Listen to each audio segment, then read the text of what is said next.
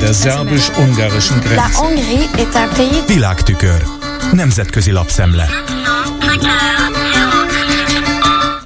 Köszöntöm a hallgatókat! Ha a meleg készfogás Vladimir Putyin orosz elnökkel nem lett volna elég provokatív, Orbán Viktor magyar miniszterelnök az EU csúcson erre még rálicitált, és azt állította, hogy neki volt igaza, amikor találkozott az EU legfőbb ellenségével, és hogy az uniós vezetők legtöbbje tévesen látja a dolgokat. Ezt emelte ki az AP amerikai hírügynökség egyik tegnapi brüsszeli tudósítása, még a tagországok kormány, illetve államfői találkozójának a kezdetéről. A beszámolót átvette többek közt a Washington Post is. Orbán, mint mondta, büszke arra, hogy nyitva tartja a kommunikációs csatornákat Moszkvával, és azt állította, hogy egyedül ő keresi tevékenyen az ukrajnai békét. Ám Oroszországgal kapcsolatos álláspontját a legtöbben elutasították. Igaz, a hírügynökség szerint egy szövetségesre azért szert tett Robert Fico, a régi új szlovák miniszterelnök személyében. Gitanas Nausséda litván elnök megfogalmazása szerint több mint furcsa azt látni, hogy flörtölni kezdünk egy olyan rezsimmel, amely igen kegyetlen atrocitásokat követ el.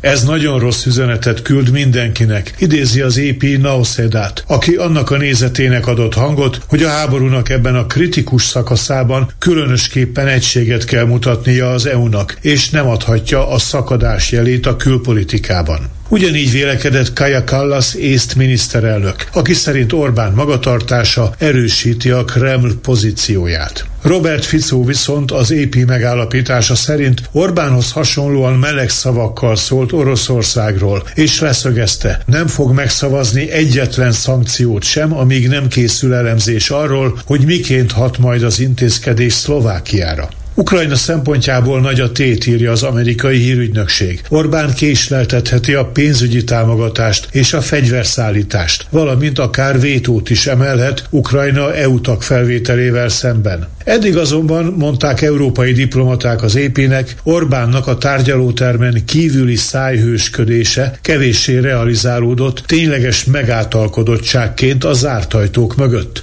Az Ukrajna elleni orosz invázió tavaly februári kezdete óta a 27 EU ország összetartott. Annak ellenére is, hogy néhány szankciós csomagot lelassítottak Orbán külön követelései.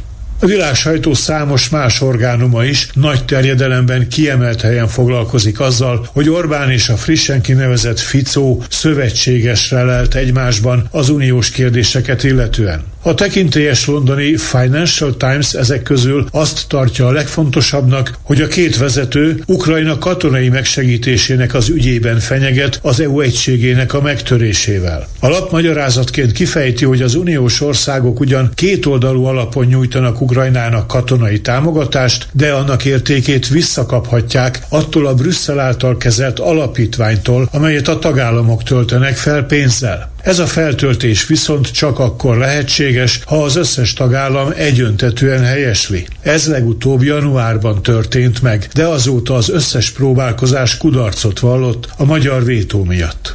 Egy másik londoni lap, a Guardian elemzése szerint Orbán most magányosabb az európai politikai porondon, mint valaha, de még mindig vannak megjátszható lapjai. Azt, hogy a magyar kormányfő magányosabbá vált, a szerző Bayer Lili főként két fejleménynek tulajdonítja. A jog és igazságosság kormánypárt lengyelországi választási kudarcának, valamint annak, hogy Törökország a svéd NATO csatlakozás elfogadása felé halad. A Guardian idéz egy vezető európai diplomatát, aki nevének mellőzését kérte, és azt mondta, a pekingi Orbán-Putyin találkozó, valamint az, hogy a magyar miniszterelnök az EU-t a volt Szovjetunióhoz hasonlította, felveti azt a kérdést, hogy még mindig bízhatunk-e ebben az országban, mint szövetségesben és mint partnerben. Az említett diplomata szerint Magyarországgal valószínűleg egyre inkább elmélyülnek majd a problémák, és ez mind erősebben fogja veszélyeztetni a stratégiai szempontból fontos közös döntések meghozatalát.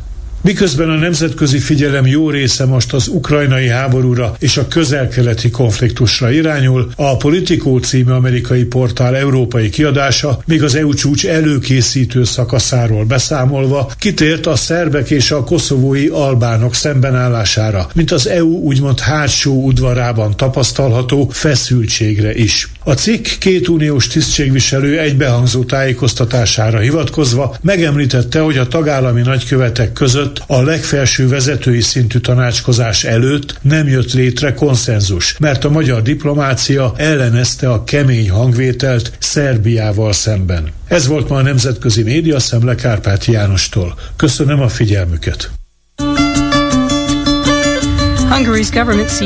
Der szerbus-ungarischen Grenze. Nemzetközi lapszemlét hallottak. Il est maintenant 5 heures.